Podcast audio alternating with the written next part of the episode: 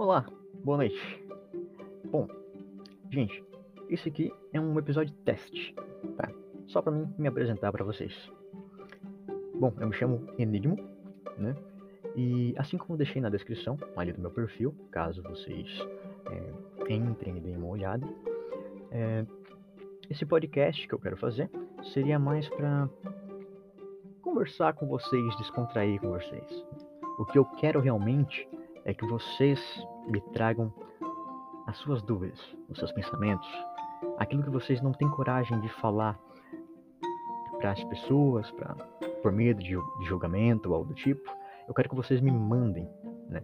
Me mandem né, situações que passaram, é, dúvidas que vocês têm. Pode ser dúvida besta, pode ser dúvida séria, pode ser qualquer coisa, né?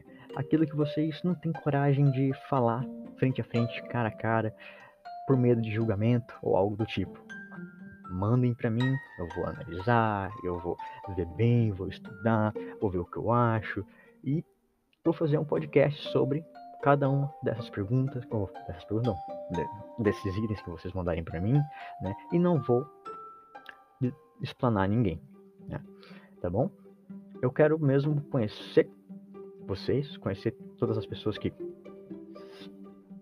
assim espero que apareçam, né? E que conversem comigo. E é isso aí, descontrair. Né? Então podem me mandar qualquer coisa, qualquer coisa mesmo, que eu vou olhar, vou olhar com carinho, vou analisar, vou falar o que eu acho. E é isso aí, tá bom? Então esse foi um episódio de teste, só para dizer que eu sou o Enigma e que eu aguardo vocês e espero que vocês 責任者を含め。る、